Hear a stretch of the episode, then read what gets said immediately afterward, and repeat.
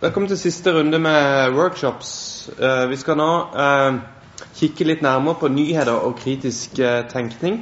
Hvordan kan man jobbe med nyheter i klasserommet for å legge til rette for kritisk tenkning hos elevene?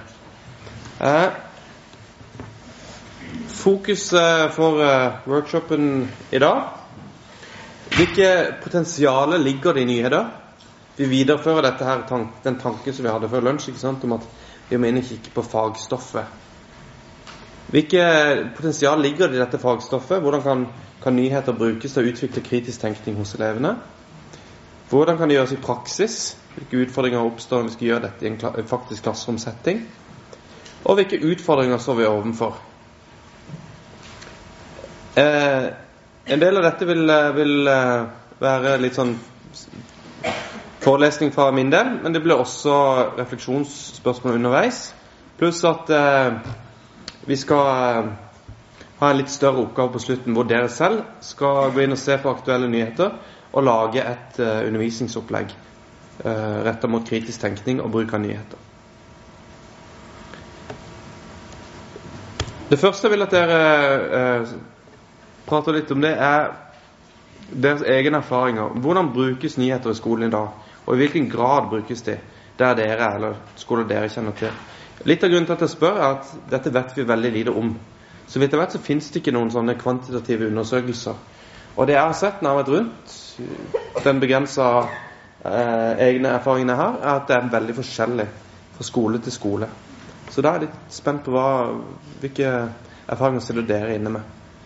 Eh, vi tar fem minutter på, på bordene bare på det nå.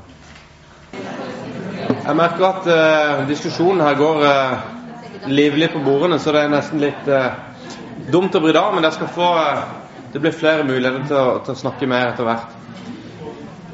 Eh, bare for å høre litt, Hvor mange her er det som eh, har eh, klassesett av Aftenposten Junior på eh, skolen hvor de jobber? Ingen, hvor mange er det som har Aftenposten Junior på biblioteket sitt på skolen? Det var en del. Hvor mange er det som har eh, abonnerer på TV 2 sin eh, skolenyheter for eh, ungdom? Skoleside?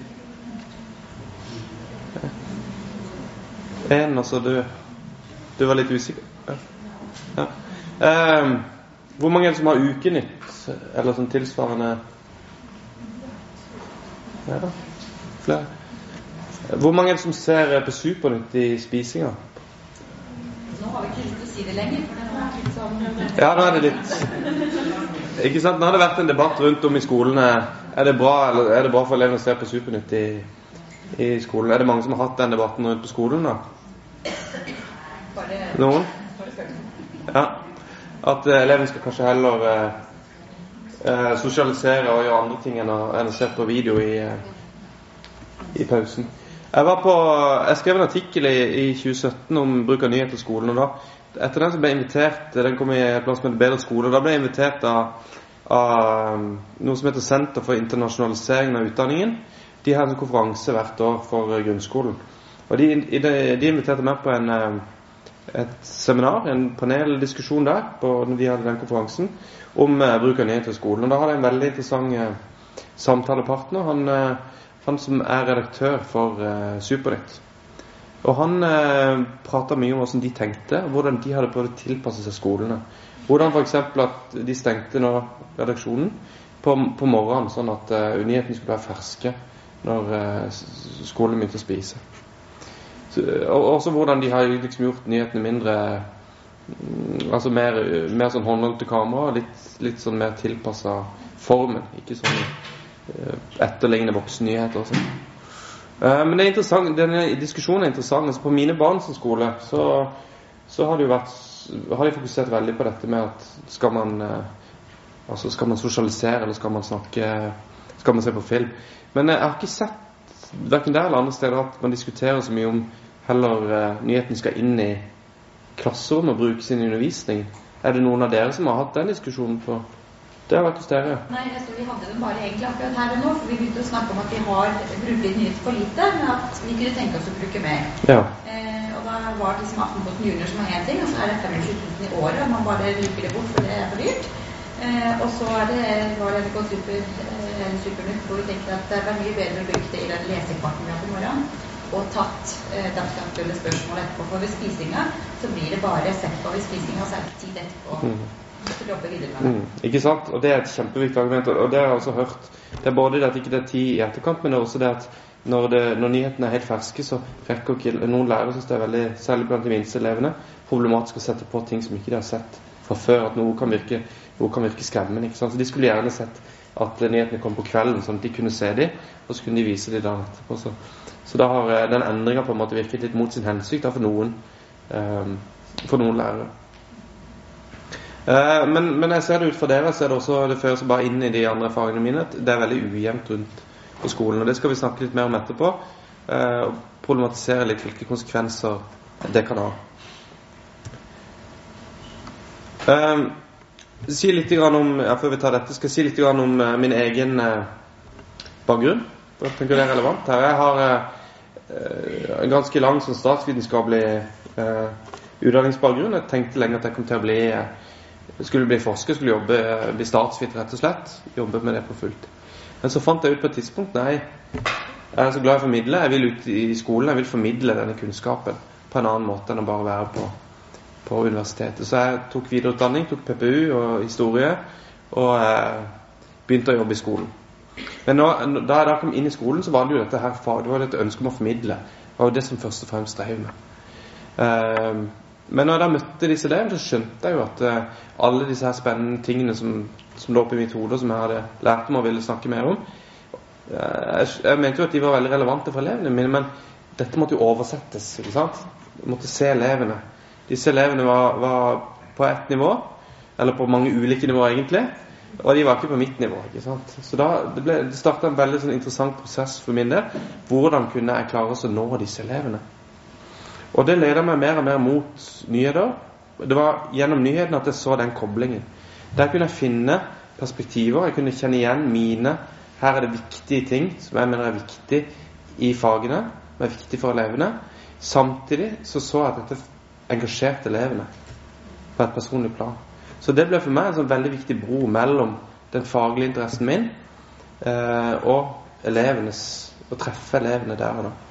Og når jeg, når jeg klarte det, det, det, vil si Man klarer jo aldri altså, Det er jo aldri sånn at man alltid treffer eleven, men de gangene jeg klarte det, så fungerte det for meg på en veldig god måte, både i forhold til uh, læring, men også altså, ting som motivasjon, skape et engasjement hos elevene, og også som ting som klasseledelse. Uh, ikke sant? Og Det å forstå klasseledelse som at det handler om at man forholder seg til et, et stoff. ikke sant? Vi snakka om det før lunsj i dag at uh, man kan aldri ta vekk fagstoffet fra skolesammenhengen. Uansett hva du snakker om, uh, om det er fagstoff eller om det er en episode i Friminutt, et eller annet, så snakker man all, alltid om noe. Man kan aldri forholde seg til et annet menneske sånn, i ren forstand uten at man forholder seg til et eller annet som ligger utenfor. Så det å da skape dette her felles fokuspunktet mot nyheter ble veldig kraftfullt og fungerte veldig godt Eh, etter hvert eh, i min egen undervisningspraksis. Og når jeg da eh, etter hvert fikk jobb på, på lærerutdanninga, så har jeg trukket dette videre og brukt dette her aktivt inn i, i mitt arbeid. Og dette fokuset på det skjønner kanskje det, at dette her fokuset på nyheter det er mye av grunnen til at, at jeg har lest mye om Klafki og hvordan han ser på innholdet som helt essensielt i hvordan læring og danning skjer. Det var litt om eh, min bakgrunn. Eh, jeg måtte jo også selvfølgelig tenke på liksom, teori. Eh, man skal ha med seg læringsteori og sånn inn i det man holder på med. Om det er undervisning eller forskning eller hva det er. Og konstruktivisme, altså Piaget, hans læringsteori bygger jo nettopp på at utdanning skjer med at nye fenomener blir forsøkt tilpassa den kunnskapen man har fra før. Altså Han ser for seg da at det kommer inntrykk. Og så kan det skje enten assimilering, man forklarer det nye, de nye opplevelsene ved hjelp av det man kan fra før, eller en akkommodasjon. At forhåndsoppfatningene er ikke tilstrekkelige, men må endres. Her ser det en parallell sant, til Klafki og hans tenkning om disse kategoriene. når man, når man lærer noe nytt, så danner man en ny kategori. Man får et nytt perspektiv på verden. Og Klafke han var inspirert av Piaget. Han var veldig sånn eklektisk. Han eh, bygde på kritisk teori, på den amerikanske læringspsyk inspirerte læringspsykologien, på mye forskjellig. For hans, det han tenkte på, hva kan funke i klasserommet? Hvordan kan, kan vi få til kritisk tenkning i et klasserom? Og bygde da bl.a. på denne teorien til Piaget. Og da er Det jo det han kaller for et likevektsprinsipp. Drivkraften i læringsprosessen er da et ønske om å oppnå mening. En, en sånn driv inni oss om at ting skal, det vi ser, skal gi mening. Og Hvis de kategoriene vi har, de forståelsene vi har, ikke, ikke rekker til, da må vi danne oss nye perspektiver, nye forståelser. Vi ser også litt med det her, ikke sant? Dette med det tvetydige. Det å vise, vise fram ulike perspektiver. At ting ikke er entydig. At det er ulike måter å forstå noe på. Skal jeg vise deg et bilde som jeg brukte Der kommer det. Det brukte Det skjedde i, i høsten 2015. Det, den her brukte jeg på tiende trinn, en klasse. Eh, brukte en hel time på, undervisning basert bare på dette bildet her. Før jeg sier litt mer om de erfaringene jeg gjorde med fra den timen, så vil jeg gjerne ta en ny sånn en femminutters diskusjon på, på bordene. Eh, snakk om hvordan dette her kan brukes til å, å utfordre elevens forforståelse på. Et sånt bilde. Eh, og hvilke problemer og hvilke utfordringer kan det være med å bruke et sånt bilde i undervisning. Ja, da eh, går vi videre. Jeg hører uh, igjen mye gode, gode refleksjoner her. Uh, for min del så ble dette en ganske ganske god time. Det vil jeg si. Det ble sterke Dette vekket veldig sterke følelser hos elevene mine. Selv om de var på tiende trinn, så, så, var dette rett og slett sterkt. Ikke for alle, men for noen. Og sånn vil det være. ikke sant, At elever uh, er ulike, og du må kjenne elevene veldig, veldig godt hvis du skal kunne bruke noe sånt. Samtidig så vet du jo aldri helt sikkert hvordan folk vil reagere. Så det, det ligger en risiko ikke sant, å eksponere elever for sånne ting. Samtidig så vet man jo at elever eh, er mye på nettet, og, og, sånne ting er det jo vanskelig også å holde borte fra elevene. Så det, det jeg tenkte, var at uh, dette var Det å se sånne ting i en sammenheng, det har stor verdi. Det å plassere det i en sammenheng, forklare hva er det som egentlig har skjedd her. Men jeg gjorde ikke det. Altså, vi begynte hos elevene. Vi begynte med refleksjon hos, hos de. Hva så de her? Og det ble ganske en ganske sånn aha-opplevelse for en del, tror jeg. For det første så er dette her på en strand i, i Tyrkia. Rett overfor Det var en båt som var på vei til Kos med flyktninger. Så flere elevene hadde jo vært her. ikke sant? De kjente dette som et ferieparadis.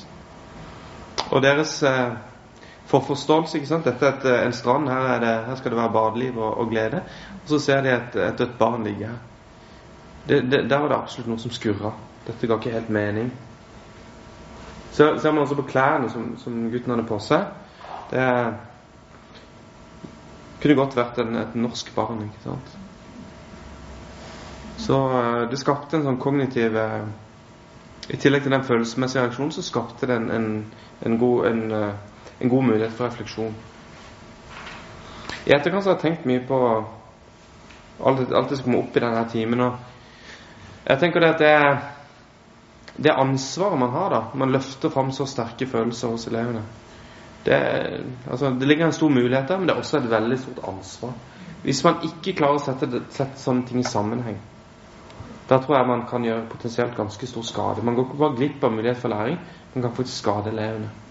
Hvis man ikke ser at eh, Altså hvis, hvis man fòrer elevene med, med elendighetsbeskrivelser eh, eller tar opp dramatiske ting fra media uten å forklare dem at her har vi et handlingsrom. Ikke sant? Her, dette er ting, ting skjer, Vonde ting skjer, men, men uh, samtidig så kan vi påvirke verden rundt oss. Dette er litt av kjernen i dette med dette som vi snakker om, med den doble åpningen. Hvordan ved å forstå sammenhenger i verden så blir, du, blir, verden samtidig åpen for eleven. Du kan selv gå inn og, og forstå hvordan endring kan finne sted. Så vi knytter dette til flyktningkrisen ikke sant, det som skjedde i 2015, og de handlingsalternativene og, og sånn som Europa så overfor da. Um, det er klart dette hadde vært sikkert problematisk å, bruke på barneskolen. Og jeg vet at, eh, også at NRK Super blant annet, de gjør et stort arbeid nettopp for å prøve å, å tilpasse sånn at barn ikke skal bli skremt. For så sier de ofte hvis det f.eks. har vært en skoleskyting et eller annet dramatisk, at eh, denne gjerningsmannen er, drept eller tatt hånd om av politiet, kan ikke, er ikke farlig nå. Er det noen der som husker de her gassangrepet som var i Syria i fjor? Det var et sånn veldig stygt angrep i, i, i Syria um, under kampen mot IS, hvor veldig veldig grove bilder kom på internasjonale medier som ble vist i Norge, med sånne um, mennesker som hadde blitt uh, utsatt for kjemiske angrep. er masse sånn fråder rundt munnen, og mange var drept. og sånn. Noe av de sterkeste bildene jeg har sett personlig noen gang. Da, da viste Da vet jeg at, uh, at NRK Super de, da, de animerte dette. De lagde en animasjon. Sånn at de, de viste noen av de samme scenene, men var, for det første var det animert. For det andre så var det uh, var ikke ansiktstrekkene var tatt bort. For å gjøre det mindre nært. ikke sant? Så når man går inn i dette her, går, så, så, er det veldig vanskelige avveininger. ikke sant? Hva, hvor nært på virkeligheten kan du gå? Uh, hva, går, hva, er liksom linjen mellom å bidra til kritisk tenkning og faktisk eh, påføre skade på eleven? Her er det jo igjen ikke noe fasitsvar. Man må bare bruke det skjønnet man har, den kritiske vurderingsevnen man selv gjør som lærer, og prøve å tilpasse best mulig. Eh, bilder tror jeg kan være en altså, Nyhetsbilder, nyhetsvideoer kan være en viktig, viktig vei inn å gå når det gjelder kritisk tenkning. Vi skal se litt mer på, på hvordan det kan gjøres straks. Eh, denne her plasthvalen som stranda i, i, januar 2017, er det noen som husker den? Ja. Det ante meg litt, for det, den gjorde et veldig sterkt inntrykk i, i Norge. Det var altså en plasthval som strand, Nei, en hval som stranda eh, på Vestlandet januar 2017. Og eh, det er gjort en del eh, forskning på hva som faktisk skjedde her. Jeg kom over denne artikkelen her i 2018. Jeg har også et litt sånn personlig forhold til denne saken her, for det var den eldste dattera mi. Hun gikk i andre klasse da, i 2017. Hun var ganske sånn Hun var ikke så veldig eh, interessert i å snakke høyt i klassen og sånn. Hun vegra seg litt for det. Eh, men eh, da Aftenposten Junior kom den tirsdagen, og eh, denne hvalen var på, på forsida, så ba hun meg faktisk om å ringe til læreren og spørre om ikke hun samme dagen kunne presentere denne saken for uh, klassen sin. Første gang hun uh, gjorde noe sånn muntlig for en klasse. Det vekka et veldig engasjement uh, hos henne. Hun var, ble medlem av Miljøagentene og ja, veldig miljøbevisst. Da dabba av litt nå, men som det ofte gjør. Men det vekka et eller annet inni henne. da, Så jeg gikk og tenkte på det. Og når jeg da kom over denne saken her i 20, 2019, nei 2018 i media, så fikk det meg til å liksom reflektere litt mer over hva er det faktisk som skjer her. Og de tallene her er ganske eh, ganske eh, ekstreme, syns jeg. 2015 svarte 2,5% av de spurte, altså dette er voksne nordmenn, at de tenkte på plast når de fikk spørsmål om, om eh, miljøproblemer. 2,5 I 2015 visste man at plast var et stort miljøproblem. I 2018 hadde andelen økt til 45% ja. Og disse her finner da ut at jo, det er denne her enkeltsaken her, den hadde stor betydning for folk. Og de intervjuer her disse her, noen sånne stakkars sånne eh, kommunikasjonsrådgivere og sånn, som jobber med holdningskampanjer og den type ting. Som har selvfølgelig får i oppdrag å, å vekke bevisstheten vår om sånne ting. De hadde kommet til kort. De hadde jobba masse med dette. Hvordan skal vi vekke fram holdninger til plast? For dette er et viktig problem. Men denne enkeltsaken er en hval som hadde 30 plastposer i magen, det er jo et forsvinnende lite problem i seg selv. Men den symboliserte da eh, for mange et større problem og har skapt et, eh, en helt annen bevissthet rundt eh, plastproblematikken i, i havet. Dette førte meg inn til å kikke litt mer på fagdidaktikken igjen. Vi har snakka om Kotsinski tidligere i dag. Jeg skal ta han opp litt igjen. Og Han snakker om eh, enkeltskjebnen som utgangspunkt for kritisk tenkning. At eh, de statistiske nyhetene om trafikkulykker, globale inntektsforskjeller og barnedødelighet de vekker sjelden oppmerksomheten til barn eller unge. Kunne også sagt voksne. ikke sant? Derfor bør vi prøve å knytte enkeltmenneskene bak tallene til elevens interesser for liv og død, rettferdighet urettferdighet. Slik kan vi åpne elevene for viktig kunnskapsstoff og sentrale sammenhenger mellom enkeltmenneskers levekår og samfunnsmessige strukturer. Kan, elever kan vise stor interesse for det tilsynelatende fjerne hvis det kan engasjere deres innlevelse i og medfølelse for andre menneskers opplevelser og livsvilkår. Så kan det bygges en bro fra elevens ståsted her og nå til fjerne steder og tidligere tider. Så dette er igjen dette med, med Kafka, den doble åpningen. Hvordan du kobler sammen eh, et, noe som er nært, til noe som er fjernt. Og da den kritiske tenkningen oppstår i samspillet mellom dette. Den subjektive oppfattelsen og verden. Og hvor da man kanskje må danne seg noen nye kategorier. Og her blir jo da en kritisk holdning til plast. Den nye kategorien blir jo da plast i havet. At dette er et miljøproblem som man må ta stilling til. Oppstår da eh, som en, eh, en ny kategori hos elevene. Ikke sant? Her, Kåsinski skriver enkeltmennesker. Man kunne jo sagt dyr også her, ikke sant? for det er tydelig at, eh, at eh, det også skaper et stort engasjement. Kåsinski er også opptatt av det han kaller for eh, en syntese mellom læreplansentrerte og elevsentrerte kriterier. Her kjenner vi igjen Klafki ikke sant også. Eh, denne motsetningen mellom læreplansentrerte og elevsentrerte kriterier den anerkjenner Kortsinski og sier at den vil alltid være der. Man kan, ikke, man kan ikke komme seg unna den. At det er en spenning mellom det som står i læreplanen, målene for utdanninga, og den enkelte eleven. Men at det går an å koble læreplanføringen av elevinteressene, ikke for å harmonisere vekk og fjerne den spenninga, for den spenninga ligger der naturlig, men at ved å se disse to i sammenheng, så kan man få interessant eh, noen interessante tanker om hvordan man kan ivareta både læreplanen og elevenes mål for elevens eh, skolegang og deres eget eh, interessefelt.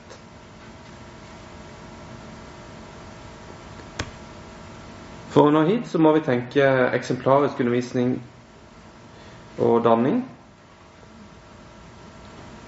Dannende læring som fremmer den lærendes selvstendighet, som altså fører frem til ytterligere viten, evner og holdninger, nås ikke gjennom reproduktiv overtagelse av den størst mulige mengde enkelthendelser, evner og ferdigheter, men derimot ved at den lærende ut fra et begrenset antall utvalgte eksempler arbeider seg fram til mer eller mindre vidtrekkende, allmenngyldige kunnskaper, evner og holdning. Ikke sant? Igjen så ser vi denne motstanden mot uh, den tradisjonelle skolen, som også Lippmann var, var, opptatt av. ikke sant? Nytter ikke med en sånn passiv overtakelse. Men eh, Klafke går da ikke bare til metoden, han går til fagstoffet. Vi må finne eksemplene. Vi må finne de gode eksemplene. Man kan koble enkelt eksempel det du tar inn i, i klasserommet, til noe overordnet. Bare da kan man oppnå kritisk tenkning. Da kan man oppnå en kobling mellom de valgene eleven tar, og det overordnede spørsmålet.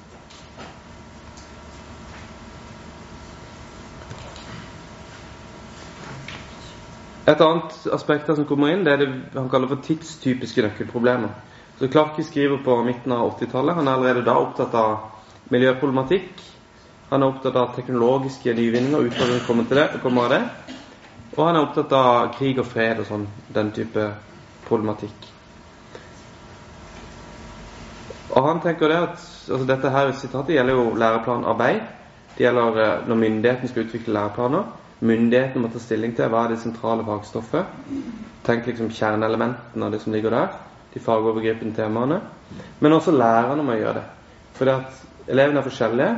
Og eh, det som kan gi mening for noen elever, gir ikke mening for andre elever. Samtidig som uh, ulikt fagstoff kan ha betydning, ulik betydning for elevenes uh, framtid. Avhengig av den situasjonen de er i. Så poenget er ikke her at eh, du skal se bort fra læreplanen, eller at den ikke er viktig, men at lærerne selv også må gjøre en kritisk vurdering av hva de vil, eh, hva de vil fokusere på.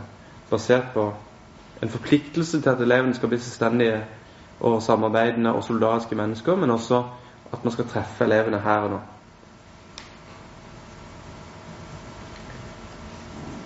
Jeg skal vise deg et eksempel på en måte jeg har jobba mye på med nyheter i min undervisning i skolen.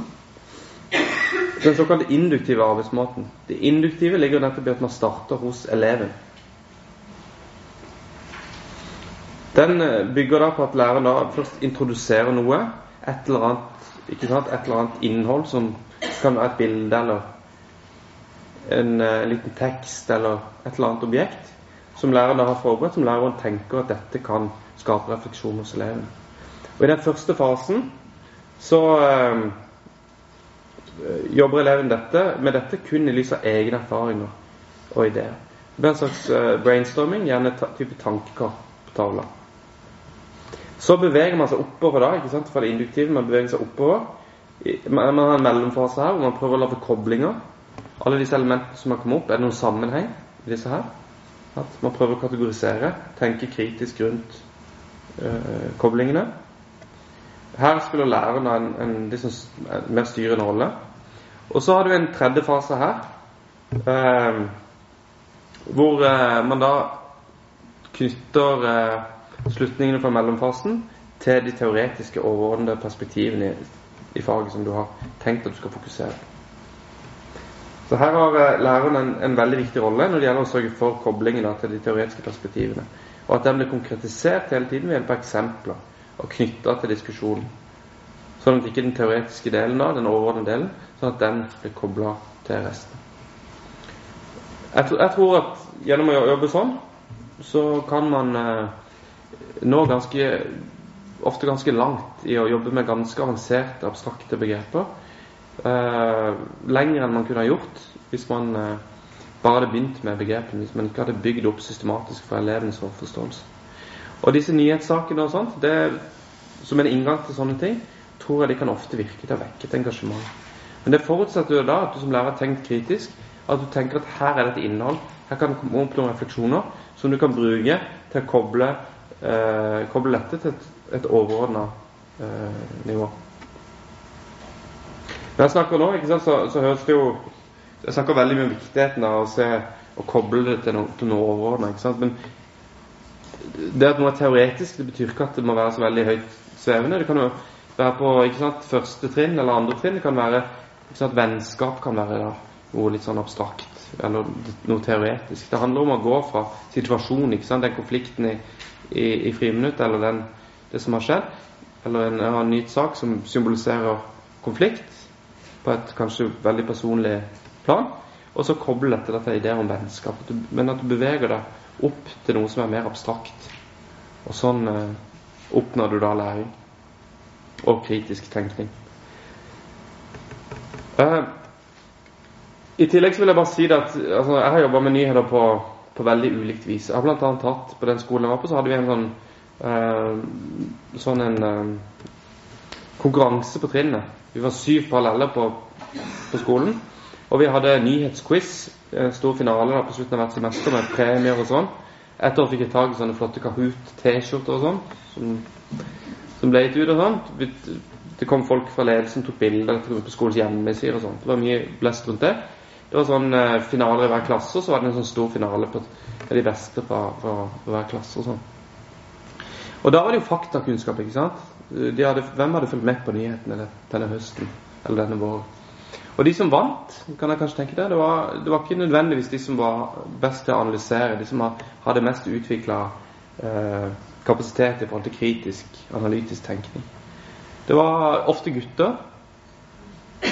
Og som, altså folk som var opptatt av mye faktakunnskap, men som ikke alltid nådde så langt på prøven. ikke sant? Eller som ikke oppnådde de beste resultatene, men de evna ikke helt det siste, og, og, rett og slett å koble det til noe teoretisk. Men jeg tenker det å løfte dette her fram, at de kan føle mestringsfølelse, at der ligger det også noe viktig. At man kan treffe ulike elever på ulikt vis. Og det at kritisk tenkning er en, et, et, langsiktig prosjekt. Målet er jo, ikke sant, det ligger jo i, i denne tanken her, det er jo hva, hva, man sitter igjen med resten av livet. Jeg vet ikke om noen av dere har fått med dere denne her Stoltenberg-rapporten til hun Camilla Stoltenberg, noen som har sett den, om gutter den viser at gutter henger igjen. Helt, det er vel i begynnelsen av 20-årene, så vidt jeg husker, at uh, den forskjellen er utlignet. At ikke du ser noe forskjell på gutter og jenter sånn utviklingsmessig. Og at uh, før man når den alderen, så har veldig mye sånn utvelgelse funnet sted i forhold til opptak på høyere utdanning og sånn.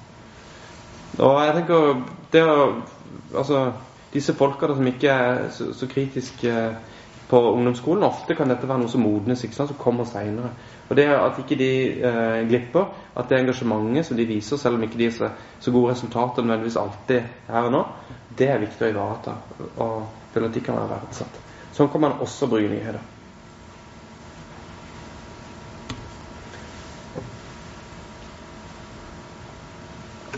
Så vil jeg si litt om et aksjonsforskningsopplegg som jeg gjorde, gjennomførte, et prosjekt som jeg gjennomførte i fjor eh, vår. Er det noen her som har vært borti aksjonsforskning eller aksjonslæring?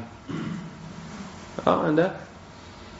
Det, det, det, er jo en måte å tenke forskning på som er veldig forskjellig fra det der klassiske idealet om forskeren som utenforstående, som observerer eh, et eller annet. Her er det snakk om å faktisk bidra til en endring. Være med på en endring.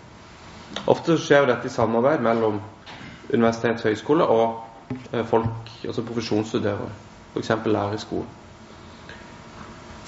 For min del så var jeg så heldig å finne en, en lærer som uh, var interessert i nyheter. Han uh, var også en, veldig interessert i å utvikle sin egen praksis. Samtidig brukte han ikke nyheter så veldig systematisk i sin, uh, i sin undervisning. Vi hadde veldig gode samtaler i begynnelsen her. I et sånt aksjonsopplegg så er det veldig viktig at man, man snakker sammen. At man bygger på hverandre, at man er enige om ting som skal implementeres. Og at alle parter får eierskap til prosjektet. Vi fant etter hvert ut at vi skulle prøve ut et, eh, et prosjekt hvor eh, vi over seks uker skulle fokusere på nyhetene. Det var vi så heldige at han var liksom gjennom årsplanen. Han, var, han, var liksom, han hadde plass rett og slett til å rydde, rydde timeplanen og fokusere nå på nyheter i, i timene sine. Dette var i samfunnsfag. Eh, hver time da skulle starte med gjennomgang av de viktigste sakene i nyhetsbildet. Da viste vi uh, ting fra TV2 skole, gjerne. Men uh, også elevene var, var, med og kom med sine ting. Det var til lekser og forberede seg på nyheter og lese nyheter hjemme. Og Et viktig poeng for oss var da at vi skulle ikke fortelle elevene hva som var de viktigste nyhetene. Det var ikke sånn nok skal læreren fortelle hva som er viktig. Elevene skulle selv ta stilling til det. Dette ble en viktig del av den kritiske tenkningen. At elevene måtte prøve å kategorisere disse forskjellige nyhetene. Dette var i fjor eh, vår, som sagt. Eh, en sak som oppe var Kim og Trump. De skulle møtes i Singapore. Det var en sak.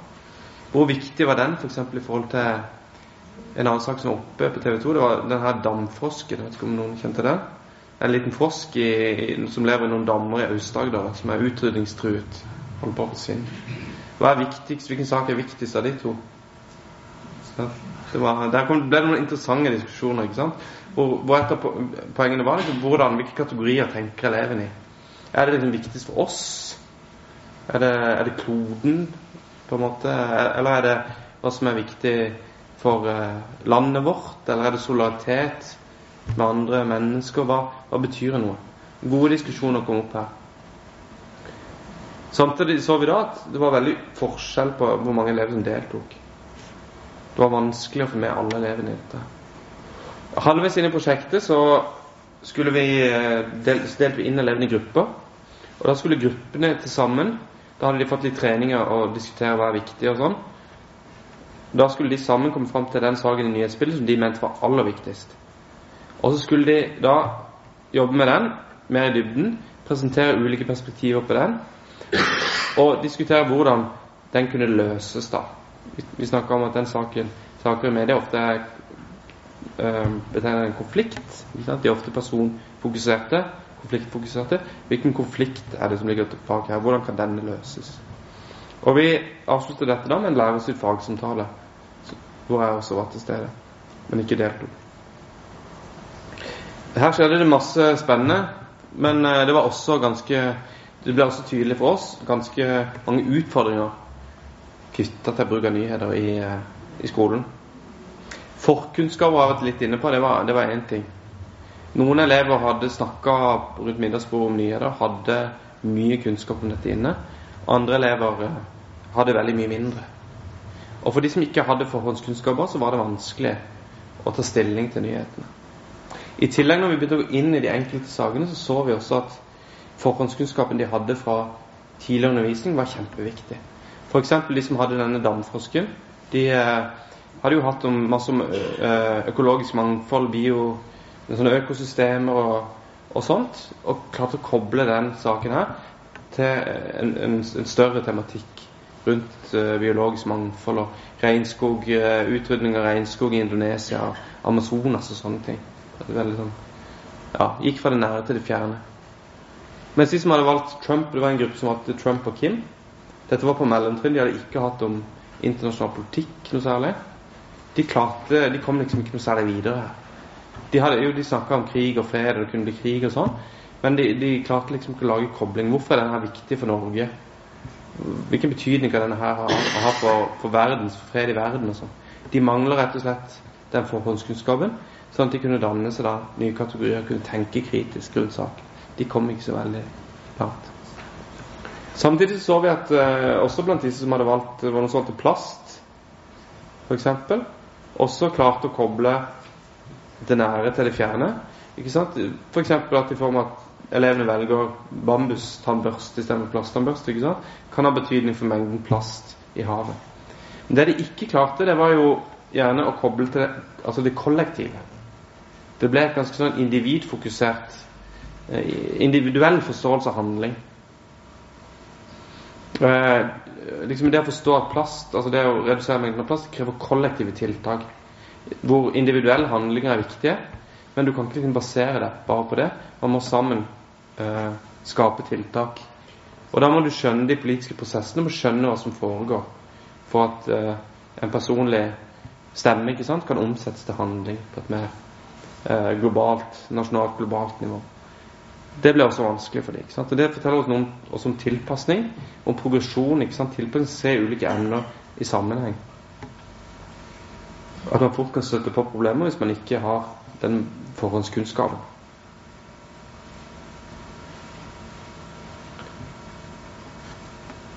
Så eh, det vi, det vi satt igjen med her, det var ja, veldig mye positivt. Vi så masse god refleksjon. Mange elever syntes dette var meningsfullt. Men også en del problematikk. En viktig refleksjon vi også gjorde oss, det var dette med å starte med nyheter tidlig.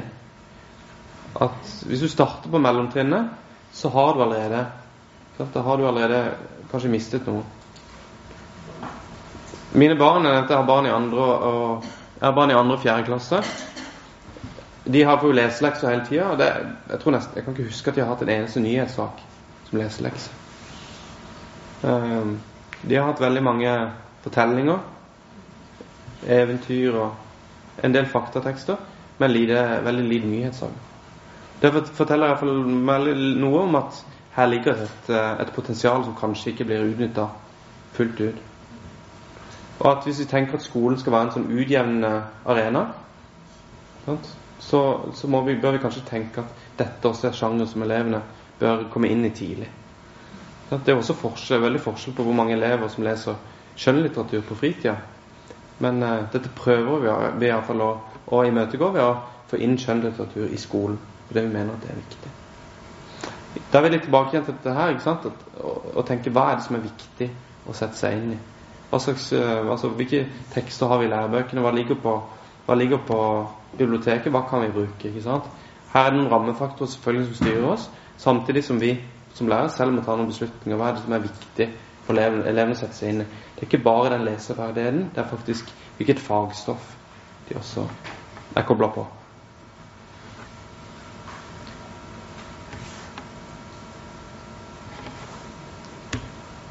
Da skal dere få en uh, liten oppgave. Dere skal rett og slett få lage et uh, undervisningsopplegg som skal fremme kritisk tenkning.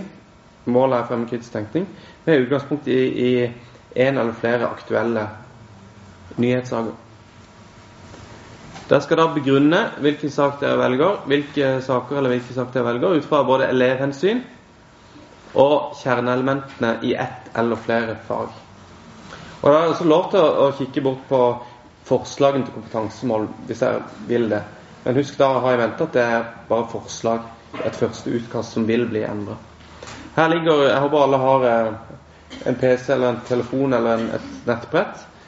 På den linken her så ligger eh, dokumentene, og de er i et format som er ganske godt leselig også eh, på telefon. Så gå gjerne inn på nyhetssider som dere bruker, og se hvilke nyheter er det her og nå som kan være, bruk kan være brukelige i vår undervisning om eh, kritisk tenkning.